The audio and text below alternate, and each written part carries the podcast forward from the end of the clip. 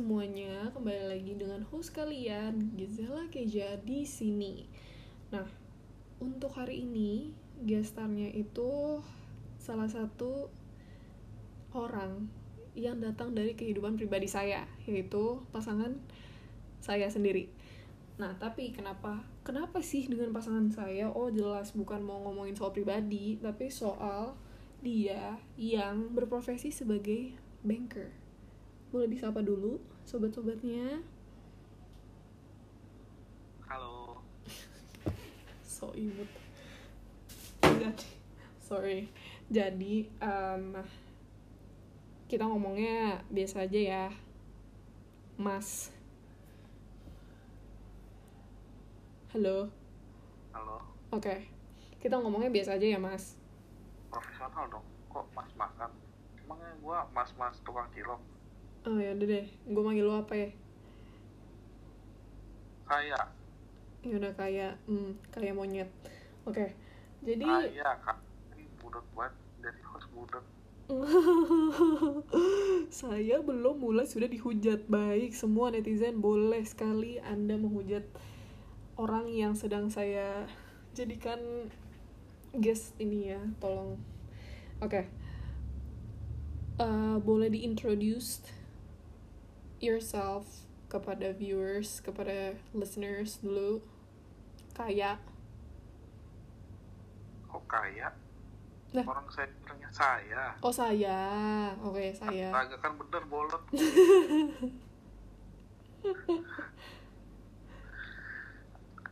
Introduce introduce briefly aja. Halo, nama saya Gizal Geisha. Saya lulusan dari Lalala. Saya bekerja di bla gitu. Halo, nama saya Erwin. Hobi saya mancing, mancing keributan. Saya lulusan sebuah universitas yang iklannya UFO.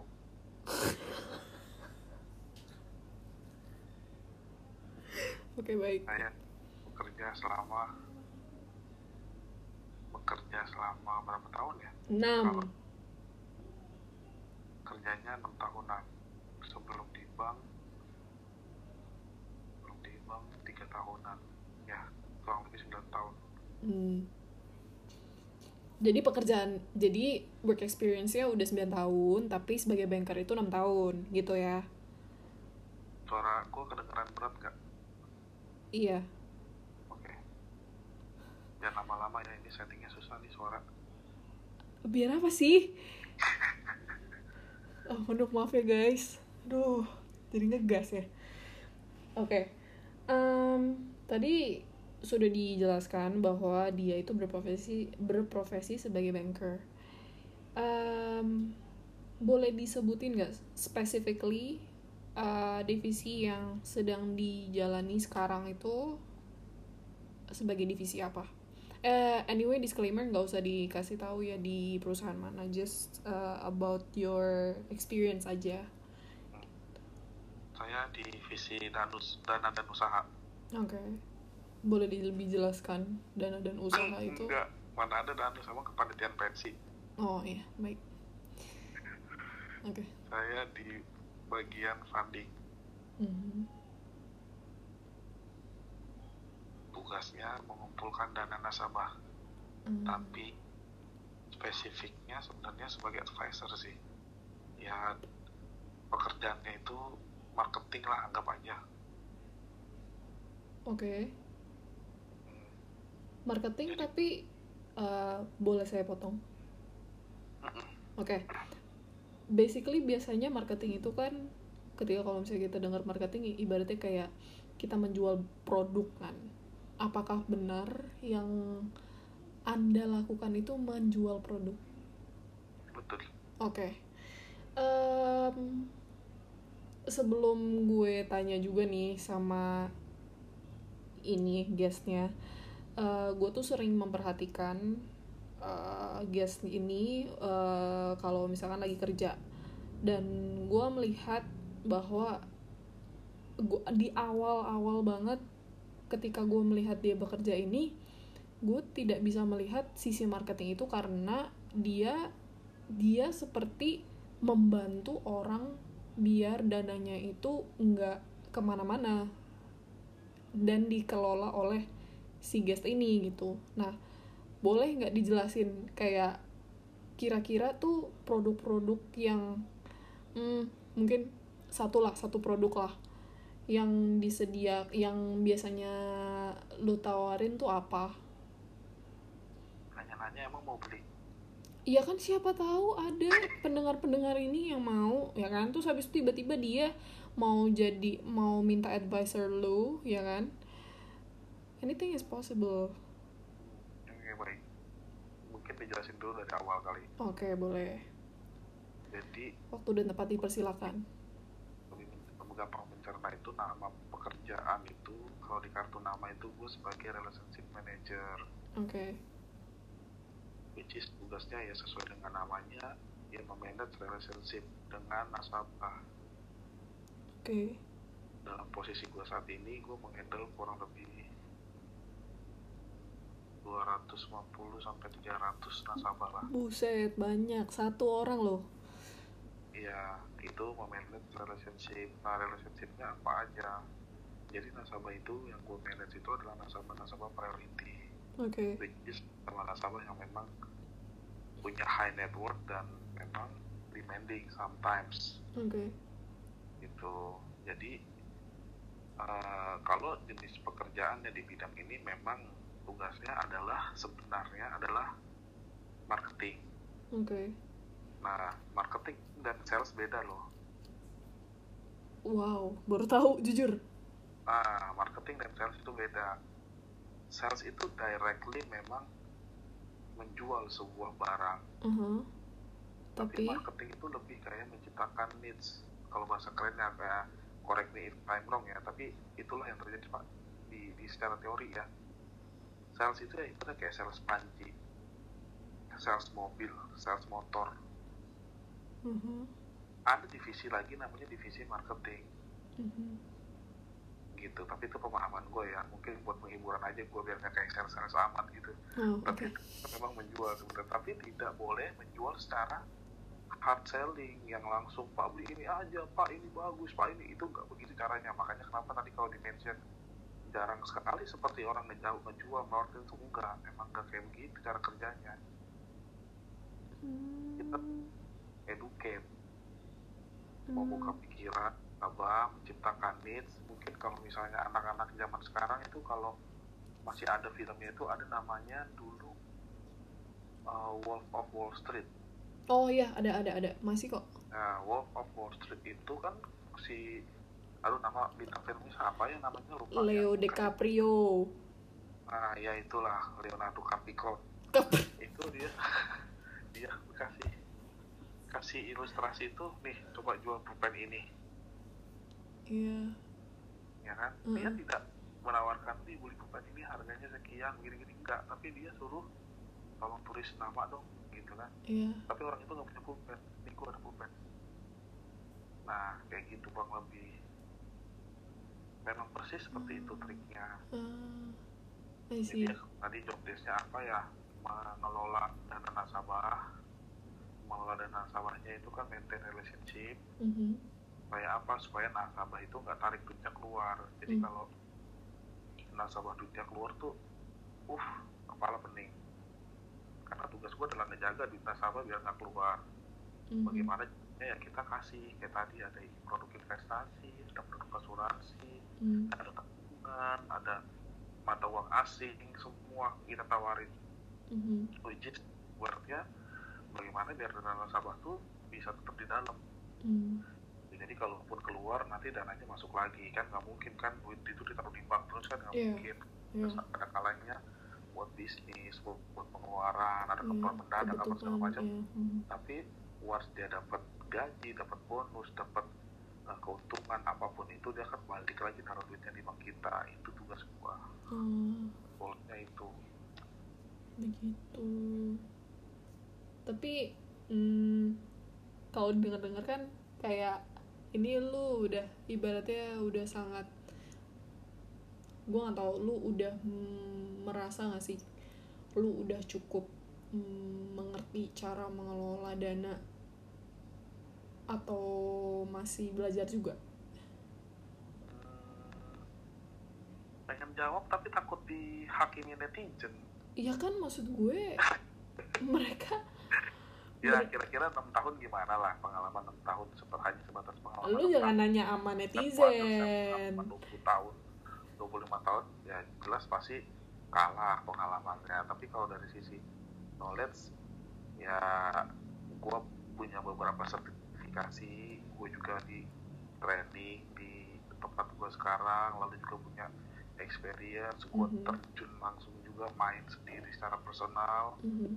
Lalu juga kelola dan nasabah juga yang memang ya so far kalau misalnya ketemu sama nasabah nasabah gue sih gue berani gitu maksudnya ya pak silakan ceritain pengalaman bapak nah gue berani kayak gitu sih Mhm. Jadi kalau- Mhm. ya tik dari testimoni itu aja lah penilaiannya Hmm, I see, I see. Nanti boleh dipersilakan ya kalau mau promosi di akhir podcast ini, oke? oh, nggak usah nggak usah promosi jangan nanti beban saya berat Terserah. Udah dikasih kesempatan lu. Oke.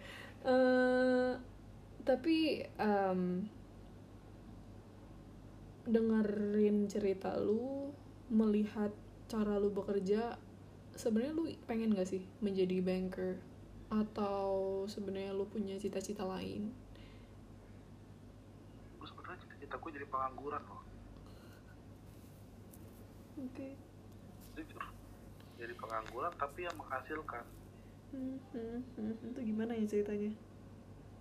Iya, jadi kan dulu gue kuliah itu kan di jurusan manajemen Mhm. fakultas ini which is di kampus gue dulu yang iklannya UFO itu nggak ada penjurusan tuh Mhm. nggak ada SDM nggak ada finance nggak ada nggak ada peminatan gitu? ada nggak ada peminatan jadi semua general Campur. Oh, nah peminatannya itu yang berdasarkan memang ya kalau kamu merasa kamu butuh ilmu ini ya kamu datanglah ke lab itu kamu fokus ke lab itu kamu entah kamu jadi asisten dosen entah kamu jadi asisten lab entah kamu mau main sama anak-anak situ kamu cari ilmu lah dari lab itu oke. jadi se se, se apa ya se sebebas itulah pokoknya Oke. An- antara bebas dan nggak ada arah beda-beda dikit emang Hmm, iya, iya, gitu. nah beruntungnya masa gua SMA itu ada satu nama guru gua sebut nih berarti nama gurunya namanya Pak Purwanta Oke. Pak, suaranya boleh lebih besar nggak, Pak? Hah, suaranya ya? Oh, Mm-mm. sorry. Ya, beruntung pas waktu masa SMA itu ada nama satu guru ekonomi Mhm. namanya Pak Wiji Purwanta yang mengajarkan konsep investasi dan memperkenalkan apa itu nama saham dan apa itu Coca-Cola dan Warren Buffett. Oke.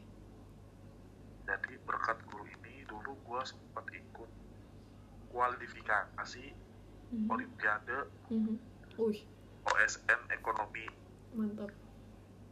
kualifikasi, tapi memang belum beruntung karena kurang pintar. Kurang pintar aja begini, guys. Gimana kalau udah pintar sekali? Hmm. Hmm. Kita lolos, Oke. ya kan? Jadi cuma masuk kualifikasi aja.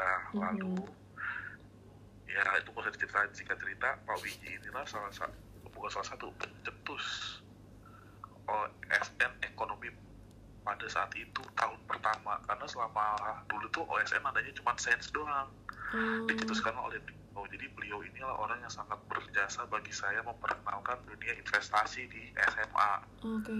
sampai akhirnya di kuliah itu saya mengenal investasi lebih dalam Uh-huh. gitu jadi ya Hmm. karena investasi lebih dalam itu sudah mengerti dan sudah praktek langsung di lab yang tadi saya ceritain Mhm. jadi kayak ngerti oh ternyata gini caranya orang kaya bekerja dalam tanda dalam artian zaman dulu tuh udah ada tuh istilah yang bilang Struktur. uang bekerja untuk uang. Oh. nyeret tuyul pesugihan kan? Nah kalau orang nggak tahu kan begitu mikirnya. Ada tuh dulu bahasa bekerja keraslah hingga kerja kerasmu dianggap pesugihan. Oh ada tuh kalimat-kalimat dulu gitu. Gimana maksudnya? Gitu kan. Emang kerjanya keras kerjanya main kerjanya nongkrong di Starbucks tapi duitnya nggak bisa habis Hmm. ada caranya beneran Mhm. terus ada juga kalimat yang bilang orang kaya makin kaya orang bodoh ya udah gitu-gitu aja Mhm. jadi perbandingannya orang kaya dan orang bodoh bukan orang kaya dan orang miskin oke ya kalau kalau mungkin yang sering dengar kan dulu perbandingannya kan korelasinya orang kaya sama orang miskin kalau ini orang kaya makin kaya orang bodoh ya udah gitu-gitu aja Hmm. nah di situlah belajar di lab itu belajar banyak dan akhirnya bercita-cita lah. Kalau ditanya cita-citanya jadi apa cita-cita gue jadi pengangguran. Tapi duitnya banyak. Contohnya siapa? Bob Sadino Ong LKH jadi kalau teman-teman yang suka investasi dan tahu dunia investasi finance pasti tahu sosok ini. Oke. Dia sosok pengangguran tapi duitnya banyak. Oke. Pengangguran dalam arti mafia tentunya ya bukan ah gimana? Mafia? ya ya pengangguran arti harfiah oh bukan harfiah. Ya bukan arti sebenarnya. Oke oke. Pengangguran gitu yang kayak gitu maksudnya cita-citanya. Ah, oke oke. I see, I see. Tolong ya di disclaimer ya teman-teman. Maksudnya penganggurannya ini kayak em, mungkin dia lebih lebih me underline di mana eh, dia bekerja, tapi maksudnya tidak seperti yang sekarang harus ke kantor, harus apa, yang bisa bekerja bukan dikerjain that's it gitu guys. salam budak korporat Mm, Iya, itu Anda dan I'm gonna be. Oke, selanjutnya gue pengen nanya. em, tadi kan udah dijelasin tuh, lo bilang lo sebenarnya jadi pengen jadi peng- pengangguran yang bukan, ya maksudnya secara harfiah tuh ya begitu. Nah, karena sekarang lo posisinya itu sebagai banker, lo pasti punya dong seenggaknya satu orang, satu customer, satu nasabah yang lu nggak akan lupa permasalahannya tuh sama dia. Nah, gimana tuh lu cara ngatasinnya? permasalahannya berarti ya bukan Hmm. kesannya Permasalahannya. permasalahan berarti dalam konotasi negatif Mhm. ya jadi ada dulu nasabah waktu eh, gua baru banget awal promot promosi baru dapat promosi Mhm. langsung kena kasus Kok gitu? Oke. Iya, yang baru dapat promosi langsung kena kasus Oke. Kak, ini nasabah dengan emosional Oke. ya tapi beruntungnya ya itu cuma karena semua orang di cabang udah tahu nasabah ini bermasalah dan Hmm. kebetulan buat buat promosi oh lagi seneng seneng kan kasih nasabah ini gitu kan cuek juga kan tuh Hmm. dikiranya moodnya bagus kali ternyata enggak apa nggak masalah mood ini bukan soal mood ketemu orang gila ya ketemu orang gila gitu kan Iya. bisa cerita. Waktu itu berantem ribut. Gua chat pakai caps lock. Terus gua bilang udah mulai berkata kasar karena memang nasabah ini berkata kasar udah nggak nggak sopan Hmm. gitu kan. Ya kita sebagai orang profesional menghadapi orang kayak begini yang, yang seperti tidak berpendidikan ya naik hitam juga kan akhirnya. Aha. udah tuh lepas kontrol. Chat dia caps lock saya balas lagi cek chat caps caps lock juga tapi saya masih berkata-kata dengan bahasa yang baik gitu walaupun memang caps lock gitu kan Hahaha. singkat cerita ya itu di screenshot dilaporkan ke customer care Mhm. rame gitu besok pagi dipanggil Hmm, itu yang dipanggil itu si nasabahnya. bukan saya dipanggil sama head saya Oke, dipanggil lalu? udah gini udah diomongin tapi kan headnya udah ngerti kita kan saya kan baru promote artinya apa bukan orang yang kerjanya nggak benar Ya, benar. Karena sudah terbuktikan dan, loh. dan kebetulan juga puji Tuhan ya memang performance saya juga di City ya termasuk yang Disebut. aduh keceplosan Hmm, di nanti. situ maksudnya Ya, heeh. itu apa typo Heeh, heeh. Terus, terusin topiknya di situ. Performance saya di situ itu ya lumayan lah ibaratnya jadi kan ya masalah ini tidak menggambarkan Hmm. kinerja saya yang buruk cuma dibilang lebih sabar Hmm. emang kuning kuning kayak begini begini begini Hmm. terus usut usut ternyata memang nasabah ini tuh udah dibuang dari AM kan ada banyak tuh Iya. Ini udah dibuang buang buang buang digilir gitu loh. Nggak cocok ganti nggak cocok ganti nggak cocok ganti. Jadi saya tuh udah orang ke delapan atau orang ke sembilan jadi emang nasabahnya gila. Ya udah dengan cerita. Ya udah itu sempet apa ya sempet kesel banget. Tapi ya ya udah gitu kan. Akhirnya jadi bahan bercandaan aja emang. Ternyata tahu nasabah ini nasabah gila gitu. Tapi eh, tadi dibilang kan eh, dilempar lagi dilempar. Dan lo orang yang antara 8 atau 9 ya kan. Nah, eh setelah lo itu dilempar ke orang lagi atau diajak ke obrol? Gimana?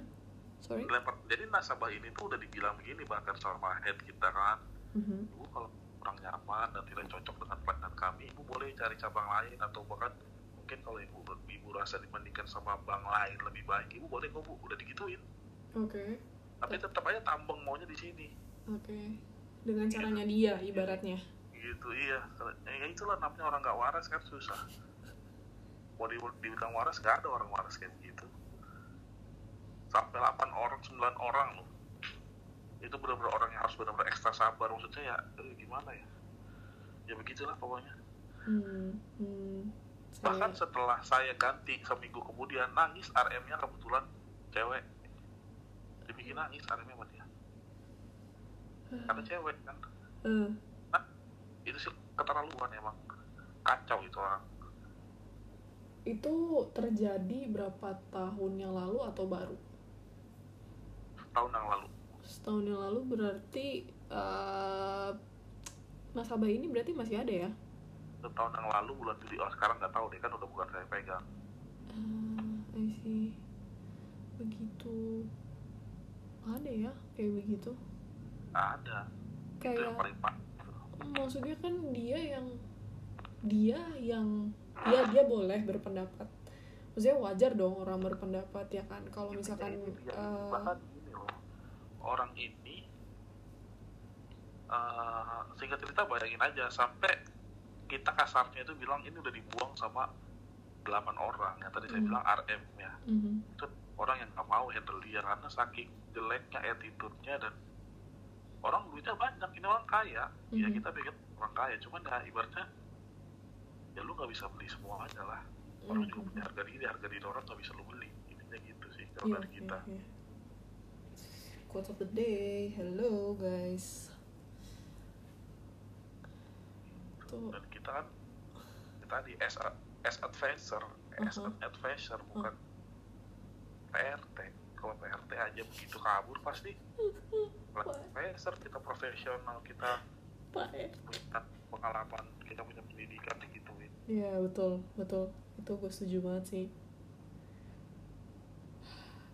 Berarti em, ini agak agak berkorelasi ya sama next questionnya gue. Jadi gue pengen tahu em, kan lu udah pernah mengalami hal kayak begitu dan pasti eh, banyak banget dari sekian nasabah yang tadi udah lu sebut itu eh, mempunyai berbeda-beda karakter ya kan.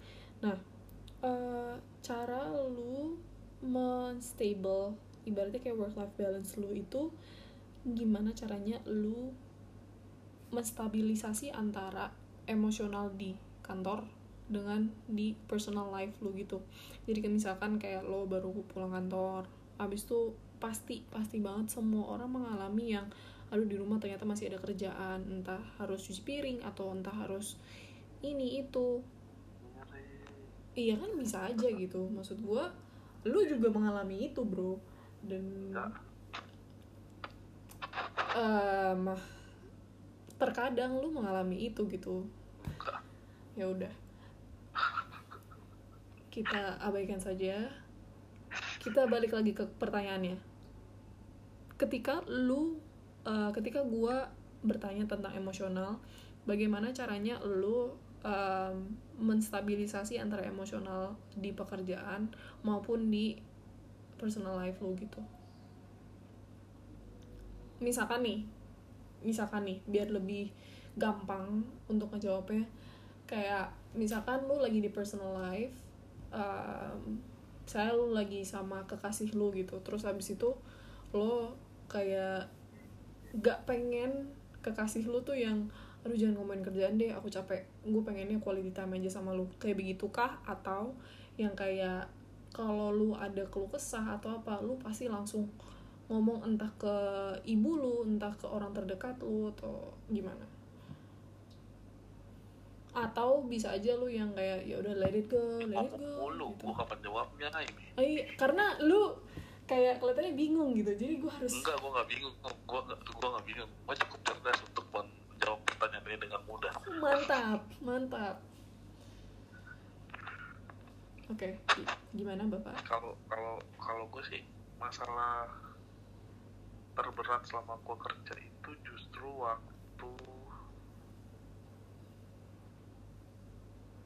kalau nggak salah 2016 deh. Itu berarti masih awal-awal dong? Hmm, masih awal-awal masih bodoh lah.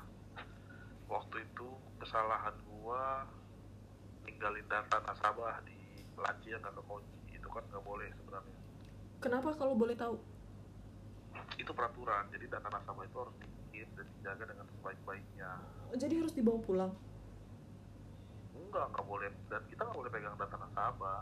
Lah terus harus disubmit bahasanya tuh disubmit Jadi oh ada I see. ada ada bagian yang ada bagian yang memang harus eh, menyelesaikan pekerjaan hari itu. Oke. Jadi kan kalau nggak kita submit ya itu nggak selesai. Uh-huh, uh-huh, oke. Kayak gitu. Jadi itu berpotensi eh, berpotensi di apa namanya dikeluarkan lah pada saat itu. Oke tapi ya masih beruntungnya karena memang itu nggak terlalu fatal jadi masih masih di, dimaafkan lah. Oke. Nah itu kan lewat semalam tuh berarti kejadiannya. Mhm, ini kan gue pulang sore. Hmm. tiga laci siapa nih? Kalau kunci gitu kan laci gue langsung tuh wah anjir baru kerja masih dipecat sih kan gitu. Itu semalaman nggak bisa tidur tuh gitu doang. Terus apa lagi ya tapi eh, apa ya kalau ada masalah-masalah sama nasabah kayak gitu gitu nggak pernah sampai kepikiran gimana gimana sih kayak udah just yang di kantor di kantor aja. Mungkin kalau misalnya kita bicara target gitu kadang belum achieve apa wah Mhm, efek jauh nih gitu kan. Mhm. dan kepikiran gitu kan oh gimana ya gimana ya cari cara gimana gimana ya, kayak gitu. Hmm, I see di kantor di kantor kalau udah selesai di rumah ya udah gitu ya lah. kayak kita handle nasabah ada aja nasabah cari malam-malam ya tetap kita ladeni Hmm. gitu tapi nggak nggak berarti kita pikirin Hmm, berarti emang dasarnya lo udah eh, pintar dong untuk menstabilisasi antara eh, ibaratnya ya udah gua kerja ya udah gua kerja. Tapi kalau udah gua ke personal life ya udah kerjaan gua bisa gua ladenin. Tapi ya enggak sebagai prioritas gue gitu. Gue mau istirahat kalau udah di personal life gitu berarti ya kurang Ya, lebih. ke, lebih ke kayak oh gua kalau udah gua kerja gua capek gua harus harus harus mencari sesuatu yang menyenangkan oke. untuk ngerilis capeknya gua biar besok gua bisa start lagi gitu Hmm, hmm, hmm. fresh lagi gitu jadi bukan malah kerjaan itu dibawa ke rumah iya nggak bisa habis hidup kita kalau Iya. kayak gitu mah kerja melulu oh dan men itu kita Oke. mengurangi productivity Hmm, hmm, hmm. oke oke tapi menarik tuh tadi lu bilang eh, bukan pekerjaan dibawa ke rumah nah gua kan tahu nih lu kan WFH ya kan apalagi sekarang WFH-nya dua minggu. Itu kan pekerjaan di rumah. Lu bisa nggak me kan gimana? kan beda artiannya beda ya? Di Bogor Tetap ya. jam kantor udah selesai lu masih bawa pekerjaan sampai jam 10 malam jam 8 malam. Itu kan Hmm. beda artinya. Kalau Eva kan ya memang aku kerja di rumah bukan bukan Ya, enggak kan siapa well banyak loh orang yang justru uh, wifi itu membuat mereka tuh jadi hancur gitu loh waktu untuk istirahat waktu untuk makan. Bahkan sabtu pun mereka pun ada beberapa orang yang gue kenal itu tuh masih meeting gitu. Iya gue nggak tahu. Kayak kemarin nih uh, guys ini agak personal life nya gue sama dia ya. Jadi kemarin biasanya dia itu kalau WFA jam 6 itu paling max dia udah kelar kerja. Tapi kemarin uh, dia sempat uh, aduh ada kerja nih aku dan dia baru kelar jam 7 nah walaupun masih jam 7 bagi gue tuh yang kok kayak nggak biasa ya. Nah makanya hal itu tuh yang gue juga apa ya gue juga pengen tahu gitu dari lo. Apakah dengan kayak begitu lo merasa kecampur nggak sih kehidupan lo di dalam rumah yang biasanya lo benar-benar untuk istirahat dengan yang sekarang kondisinya gue harus di rumah tapi gue harus kerja juga dan otomatis gue harus makan gue harus istirahat. Itu tuh di, di satu tempat gitu. Itu kecampur atau lu bisa membedakan itu? Sebenarnya kayak kemarin kejadian kerja sampai jam 7 itu biasa sih maksudnya bukan dalam artian kayak mencampur adukan kehidupan kantor dan kehidupan rumah ya. Mm-hmm. kita di dunia kerja juga ada istilahnya lembur. Mm-hmm. lembur itu kan bukan berarti kita mencampurkan kehidupan kantor dan kehidupan rumah. Mm-hmm. tapi kan maksudnya? Ngerti. Ya kan? Jadi kalau dalam pengertian gua ada orang yang kantor di kantor stres kerja ribet sibuk apa Mhm. segala macam. Begitu nyampe rumah marah-marah kerja di rumah. Ya jadi ganggu juga masih kerja di rumah segala macam. Nggak kayak gitu dong. Oke. Kalau ya kayak kemarin misalnya anggaplah lembur. Ya udah lembur. Selesai lembur selesai ya udah. Bukan berarti abis lembur masih kerja lagi. Masih ngomel-ngomel nggak bisa diganggu pas segala macam gitu. Hmm. beda artiannya oke oke itu ya kayak gua pulang jam 11 kerja juga pernah sering kalau ada event kan Hmm. kita pasti malam makan malam sama nasabah event dinner Hmm. Hmm. nah rumah bisa sampai jam 11 tapi ya dari jam 11 itu ya udah kalau ditanya kepikiran capek gak sih kalau ya capek tapi memang itu namanya juga lagi event itu kan seasonal Hmm. Hmm. Hmm. Hmm. gitu I see. kayak gitu Ih, jadi bangga deh gue. Oke, kita lanjut ke next question. Jadi, tadi lu sempat singgung bahwa eh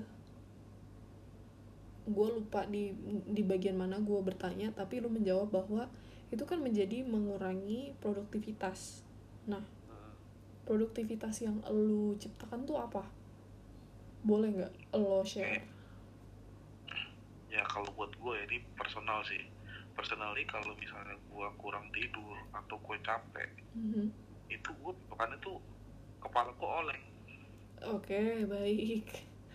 kepala gue oleng buat gue nggak ada gitu kan Aha. kayak udah mulai kayak anjir gue capek banget gue kerja begini makin kayak budak gue nah itu kalau udah mulai muncul pikiran gitu tuh udah nggak fokus udah udah nggak karuan tuh di kantor nggak Hmm. produktif itu buat gue Mhm. gue bener-bener kayak maintain nah dulu gue pernah dapet bos itu enak banget tuh Bang. gue dulu pernah dapet bos and Kenapa? itu bos paling enak dan paling pengertian yang pernah ada selama gue bekerja di hidup gue ini Oke, kenapa tuh? jadi kan tadi gue bilang pekerjaan gue di marketing itu kan ada punya target revenue apa segala macam Mhm. tapi dengan berbeda-beda cara kita kelas kita beda sama sales itu tadi kayak gitu Iya. jadi kalau gue udah achieve Mhm. Ya kalau gue udah achieve nih itu bos gue bebas udah merem dia gue mau ngapain. Hmm. bahkan sometimes ekstrimnya ya kalau misalnya gue bilang bos gue nggak enak badan. Ya udah istirahat aja di rumah. Istirahat gue di rumah. Mhm. istirahat di rumah loh. Oke. bisa sehari besok baru masuk lagi. Udah fresh loh udah. Kerja lo ya iya. Tapi kerja nggak di kantor? Enggak ya kerja sih kerja tapi maksudnya Cuma maksudnya, Iya. ya. ya nggak kerja yang kayak biasa yang ketika start Ah, ada belum masuk gitu kayak gitu udah tapi dia udah itu enak enak banget tuh bos gue tuh begitu. Nah itu yang sangat gue butuhkan environment kayak gitu tuh. Environment. Ya itulah ngomongnya gimana lah environment. Environment itu tuh yang gue ah gue nah itu yang maksud gue productivity gue semakin meningkat kalau kayak gitu jadi gue semangat.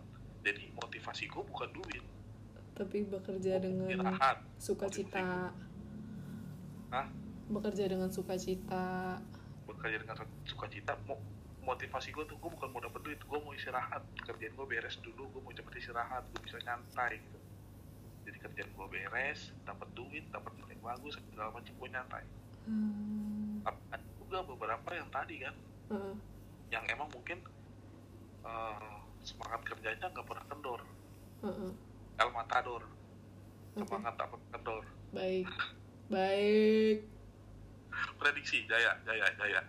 Aduh ini nih ini nih guys. Jadi kalau misalkan di waktu singgang singgang senggangnya kebanyakan nonton YouTube yang gini nih ini ya. Kan ada yang kayak gitu tuh El Matador semangat tak pernah kendor ya kerja terus kerja terus kerja Iya. terus kan tapi gaji pencip kata gua aduh kerja apa pura-pura kerja sih? Dalam arti kadang-kadang kendor kalau kayak begini nih. Eh, nih lo lihat nilai gua. Eh masih di Jakarta lu nih gua di aduh ya jadi deh. Sombong ini. Kan emang kalau memancing aduh memancing keributan panggil saja Erwin. Itu sudah pasti memancing sekali keributan. Aduh. Nah sebenarnya selanjutnya STMJ kenapa? Gua udah minum kopi lu minumnya STMJ masuk angin mulu. Aduh masuk angin mulu kagak lu. Gembel. Untung bukan gua bosnya. Bisa nangis gua buli-buli Oke.